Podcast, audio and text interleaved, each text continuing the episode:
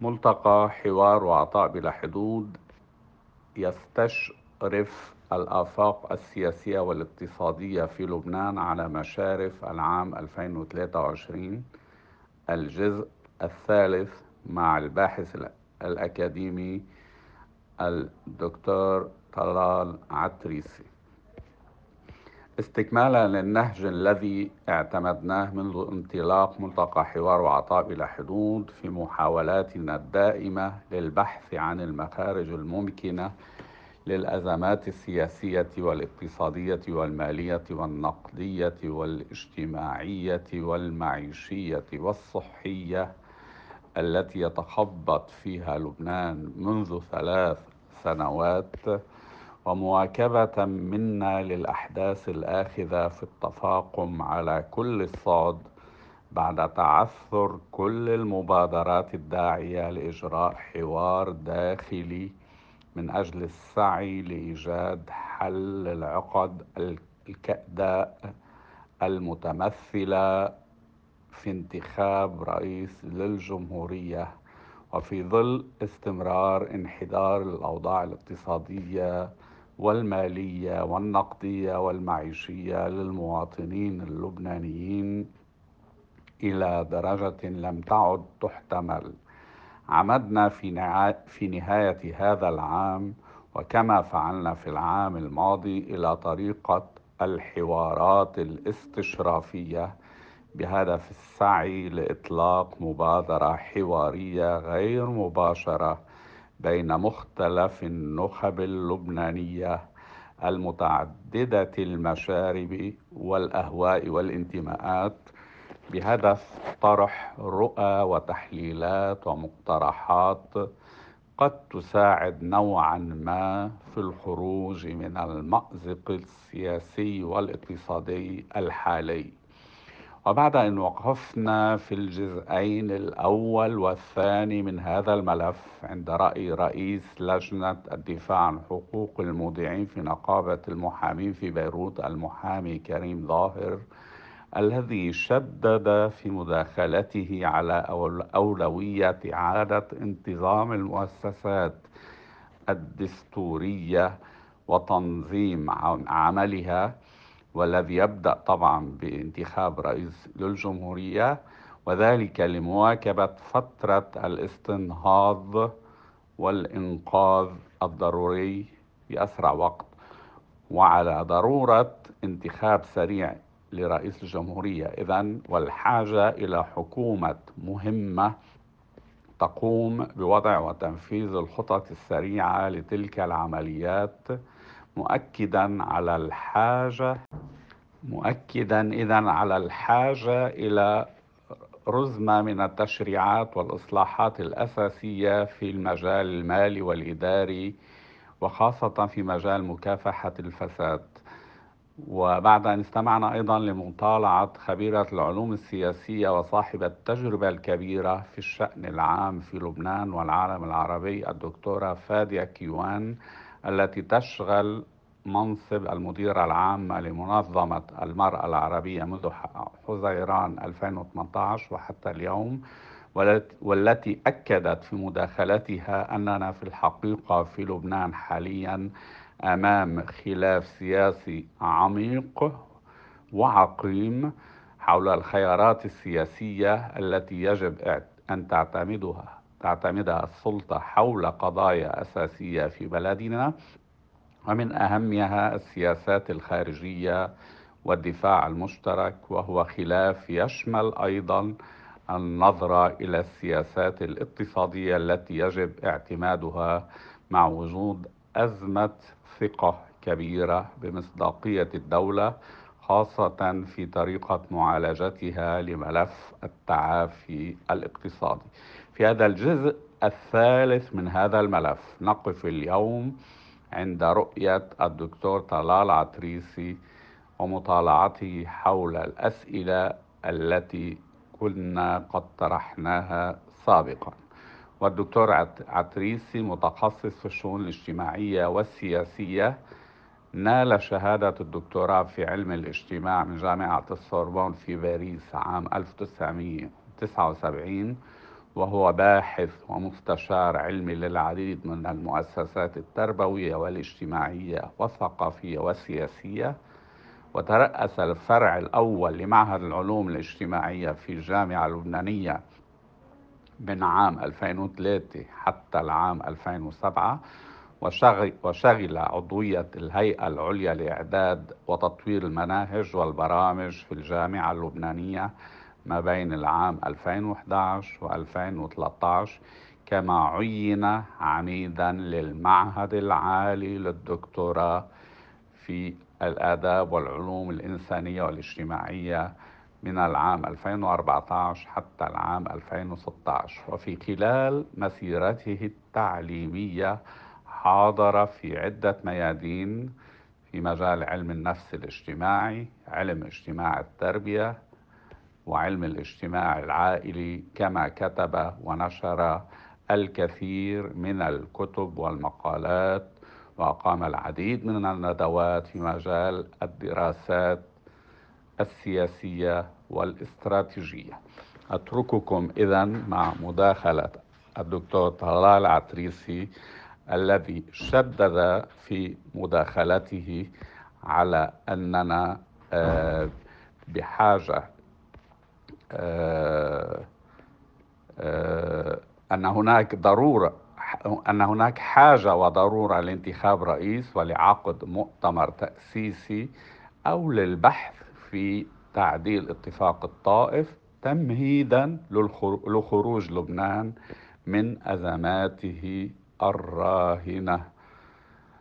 أترككم إذا مع الدكتور طلال عتريسي وإلى اللقاء في حوارات قادمة. كان معكم دكتور طلال حمود منصة ملتقى حوار وعطاء بلا حدود.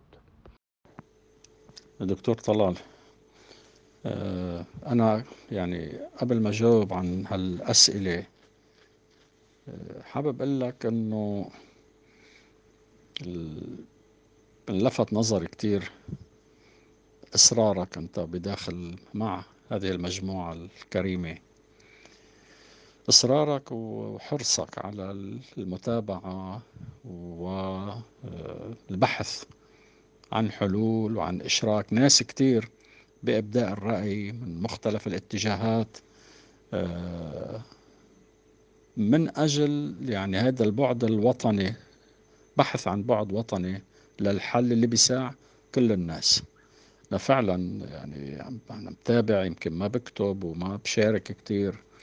بس بقرأ تقريبا كل شيء بينشر. فأنا بدي أقول لك يعني الله يعطيك العافية الله يعطيكم العافية بهال بهالمجموعة. وأنا بعرف هيدا يعني له بأكد هذا حرص وطني بيتجاوز كل الحسابات والحساسيات الفرعية آه، اللي موجودة عند كل الناس وعنا كلنا موجودة. فإن شاء الله يعني بالتوفيق لك ولنا وللمجموعة ولكل اللبنانيين. وإن شاء الله يعني هالجهد ما بيروح بيكون هو يعني رافد في النهر اللي إن شاء الله بيؤدي للحلول اللي بدنا إياها. بالنسبة لانتخاب الرئيس بلبنان طبعا نحن كلنا بنعرف إنه في معادلة معروفة هي معادلة التفاهم الإقليمي الدولي ثم المحلي على انتخاب الرئيس. وهذه المعادلة كانت دائما موجودة منذ سنوات طويلة يعني منذ حتى ما بعد الاستقلال. كانت مصر تلعب هذا الدور بالتفاهم مع الغرب مع القوة الغربية المؤثرة. كانت سوريا تلعب هذا الدور اليوم السعودية تحاول أن تلعب هذا الدور. لكن المشكلة اليوم أنه الإقليم من جهة غير مرتاح ولبنان ليس أولوية قصوى. السعودية مش مرتاحة سوريا مش مرتاحة مصر غير مؤثرة كما كانت في السابق. الدولي أيضا مش كتير مهتم فينا الحرب الروسية الأوكرانية ماخذة كل الوقت وكل الاهتمام كل المعادلات مبنية على هذه الحرب. وبالتالي هذا يعني أنه آه، فرصة للداخل ليكون هو له أولوية. هذا يعني إما فتح حوار استجابة لدعوات الحوار تعالوا نقعد نتفق نتفاهم أو تقعد كل طائفة تحط المواصفات اللي بدها إياها ويقعدوا يتفاهموا. أو يجي المرشح اللي معتبر حاله هو مرشح أن يطرح برنامجه للرئاسة وبالتالي ممكن يكون عنده شعبية ومؤيدين وكذا. أما بالطريقة الحالية ما بعتقد أنه في شيء رح يكون مميز ومختلف بانتخاب الرئيس.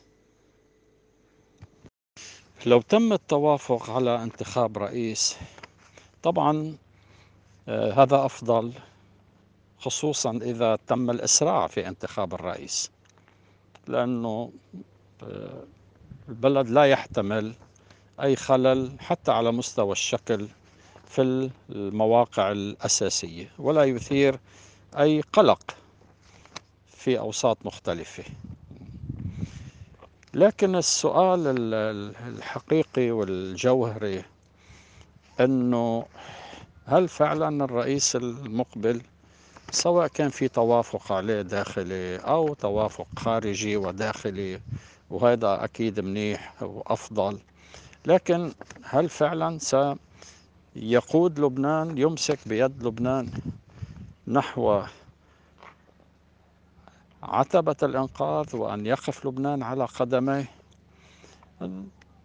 السؤال الذي يطرح كمان طيب نحن قبل أشهر كان هناك رئيس كان في حكومة كاملة وليست تصريف أعمال ولم يؤخذ بيد لبنان نحو بوابة الإنقاذ والخلاص. إذا وجود رئيس لا يعني تلقائيا أنه نحن دخلنا بوابة الإنقاذ لكن وجود رئيس ضروري وبأسرع وقت. هذا الأمر يحتاج بوجود الرئيس إلى رؤية وطنية اقتصادية واضحة بالدرجة الأولى لأن الأزمة أزمة اقتصادية. رؤية واضحة كيف نتعامل مع هذه الأزمة الاقتصادية؟ كيف نتعامل مع استخراج النفط والغاز؟ كيف نتعامل مع الأوضاع المالية والمصرفية؟ هذا يحتاج إلى يعني خلية طوارئ وطنية برعاية رئيس الجمهورية المقبل وتكون أولى أولوياتها معالجة هذه الأوضاع. أما انتخاب رئيس فهذا لا يكفي لأنه كان في رئيس وسيأتي رئيس بعد فترة قصيرة أو طويلة لكن الأمر يحتاج إلى أن يكون هناك رؤية واضحة وقوى تشارك وتتحمل المسؤولية. أما في مستقبل العلاقة بين التيار وحزب الله فأعتقد أنه الأيام التي مرت والتي ستأتي تؤكد على أنه هذه العلاقة آه، مستمرة. رغم يعني التصدعات التي حصلت. بسبب انعقاد جلسة الحكومة. لكن الافتراق غير وارد. هناك مصلحة مشتركة هناك مصلحة وطنية. تفاهم التيار مع القوات صعب وربما مستحيل لأن في بعد إلغائي في هذه العلاقة. يعني لا يتحمل أحد الطرفين التعامل الندي. واتفاق مع راب لم يدم طويلا. وبالتالي أنا أستبعد حقيقة أن يكون هناك توافق على مرشح رئاسي واحد بين هذه القوى الأساسية في الوسط المسيحي على اختلاف مستوياته. وهذا إذا لم يحصل كمان يعني نحن قد يكون الفراغ طويلا. في مواجهة الأزمات الاقتصادية والاجتماعية. نعم هناك من تعمد أن يتجنب هذه المعالجة لأنه كان شريك أساسي في حصول هذه الأزمات. الأزمات المالية تهريب الأموال آه، إلى الخارج الفساد الذي لم يكشف أي شخص أي مسؤول عنه ولم يحاسب أحد. وبالتالي آه، هذا النوع من السياسيين والإداريين والاقتصاديين وغيرهم هم شركاء ولم يرد أحد منهم بأي شكل من الأشكال واستخدمت كل الوسائل الإعلامية والسياسية وغيرها لعدم فتح هذا الملف بشكل جدي. ومورست حملات كبيرة لحماية حاكم مصرف لبنان لحماية أطراف آخرين لمنع كشف هذه القضايا المتعلقة بحياة الناس ومصير الناس وتعب وجنى عرق الناس خلال سنوات طويلة. هذا الواقع هيك كان. هلا يمكن في ناس كان عندها رغبة بالفتح الملفات والمحاسبة لكن لم تسمح لا يعني القدرات القضائية والرغبة القضائية لم تسمح. بعض الأطراف السياسية الأخرى لم تسمح لكن يمكن كان الأمر بحاجة حتى عند هذه الأطراف لي يعني تكون أكثر صراحة وأكثر علانية في هذه المسألة. الآن يطرح سؤال حول الأزمة التي نمر بها هي مش بس أزمة اقتصادية اجتماعية. نحن أمام أزمة بنيوية. هل هذه الصيغة التي نعيشها في لبنان صيغة قابلة للاستمرار والحياة؟ أم أنه لا؟ يجب إعادة النظر والبحث والتفكير في إصلاح هذه الصيغة في تغيير هذه الصيغة كليا أو في شيء آخر. يتم بحثه والتفكير فيه. هل هذا يعني الذهاب إلى مؤتمر تأسيسي كما يطرح البعض؟ ليس بالضرورة ولكن ليس هناك رفض من حيث المبدأ. ممكن أن يكون هناك مؤتمر تأسيسي. الدول الشعوب تعقد مؤتمرات تبحث في مصيرها. بإسرائيل من أشهر انعقد مؤتمر في جامعة تل أبيب على ما أذكر. عنوانه مستقبل إسرائيل. في تهديدات وتحديات جديدة داخلية وخارجية وإقليمية. شارك فيه خبراء وأمنيين وسياسيين وكذا. شو بيمنع نحن نعمل مؤتمر حول مستقبل لبنان؟ يسمى مؤتمر تأسيسي غير تأسيسي مش مهم. يعني من حيث المبدأ نعم نحن نحتاج إلى انعقاد مثل هذا اللقاء بغض النظر عن التسمية لبحث مستقبل لبنان اللي هو مستقبلنا. لأن اليوم في نقاش بالبلد البعض يرفض المؤتمر التأسيسي. طيب جيد. مؤتمر الطائف شو؟ بعض يقول مؤتمر الطائف ممتاز ما حدا يربي عليه. بعض يقول مؤتمر الطائف خرب الأوضاع وكان هو السبب في الخلل الذي نعيشه اليوم على مستوى الصلاحيات خصوصا صلاحيات رئيس الجمهورية. بعض أكثر واقعية يقول بأنه خلينا نشوف ما طبق وما لم يطبق من اتفاق الطائف. طب هذا يحتاج إلى لقاء.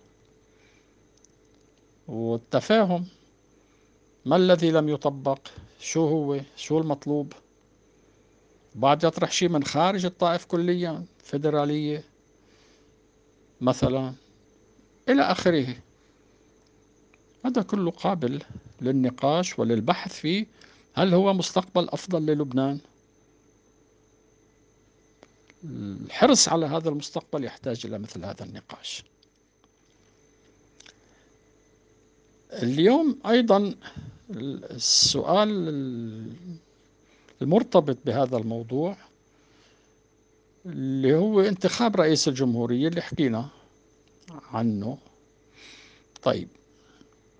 يمكن المؤتمر التأسيسي أو مراجعة اتفاق الطائف تحتاج إلى وقت تحتاج إلى تفاهمات لأنه نحن نعيش في ظل ما يسمى ديمقراطية توافقية. يعني إذا طرف أو طائفة رفضت أن تأتي إلى النقاش لبحث مستقبل لبنان هذا اللقاء لن يعقد. أو لبحث اتفاق الطائف في حدا قال أنا ما بدي ناقش هذا المؤتمر وهذا اللقاء لن يعقد. فبالتالي فيه في مشكلة في في هذا العنوان الديمقراطية التوافقية. بل بنفس الوقت صيغة العيش المشترك هي صيغة توافقية. في موضوع انتخاب الرئيس كمان اللي هو مفترض يكون أقرب وواقعي أكثر وعملي أكثر. وفيما يتعلق بالأزمة الاقتصادية الاجتماعية اللي حكينا عنها. أنا بعتقد بغض النظر عن الأسماء الرئيس أمام آه، تحدي له علاقة بالتعامل مع الأزمة التي نعيشها. يعني أنا بعطي مثال. لغاية الآن لبنان ممنوع أن يعقد اتفاقيات أو شراكات مع دولة مثل الصين. مش حياخد دول تانية أسماء تانية. ممكن يكون في علامات استفهام إيران أو غير إيران مثلا أو حتى روسيا. طيب هول عم بيخوضوا حرب هلأ في مواجهة. طيب إذا كانت الصين تعقد ثلاثة مؤتمرات مع بعض بالخليج. هذا مهم.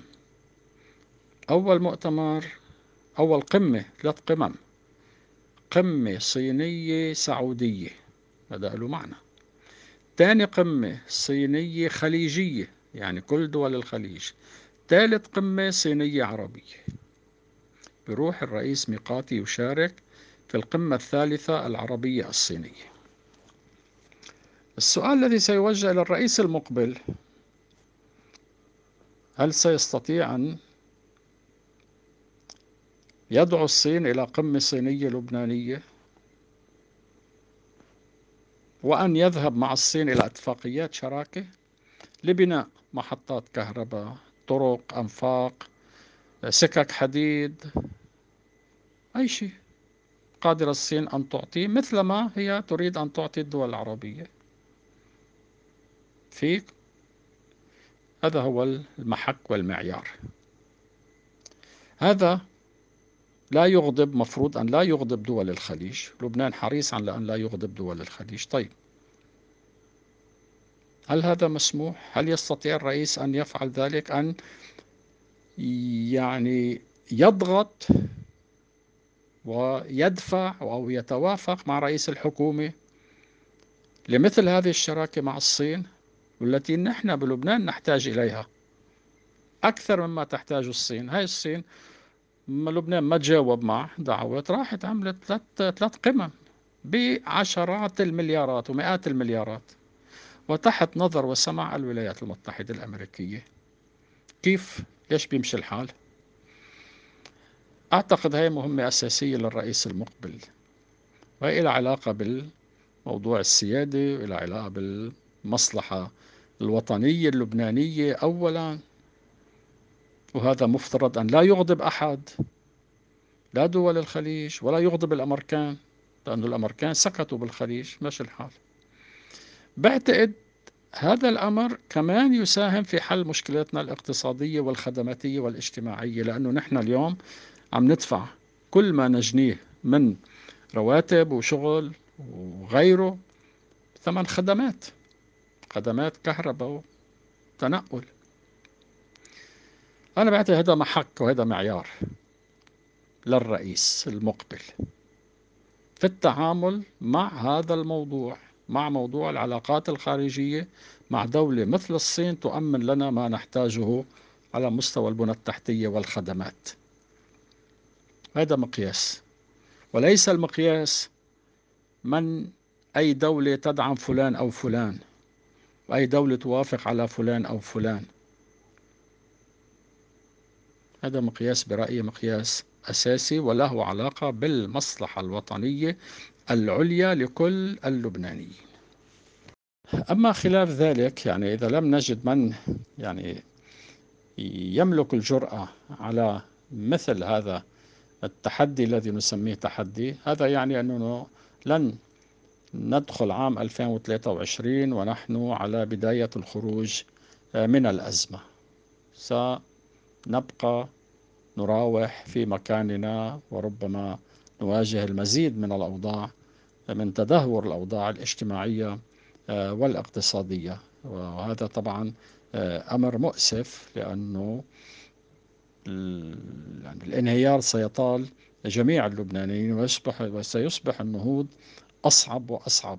وربما بانتظار يعني كيف سنستفيد من النفط والغاز وما شابه ذلك هذا يحتاج لأنه يعني شركة آه، توتال يمكن عم تقول لأيلول المقبل للسنة القادمة لتبلش وما بعرف بعد ما بعد بعد أيلول يعني شو قديش بدنا ننطر آه، ننطر وقت. فأنا بعتقد آه، هذه الرؤى مطلوبة وهي اللي بتسمح لنا نقول إنه نحن سندخل يعني بوابة وفتح نافذة أمل إذا لا ربما يكون من المؤسف أن لا يكون عام 23 عام آه، يعني بداية حلحلة الأزمات في لبنان.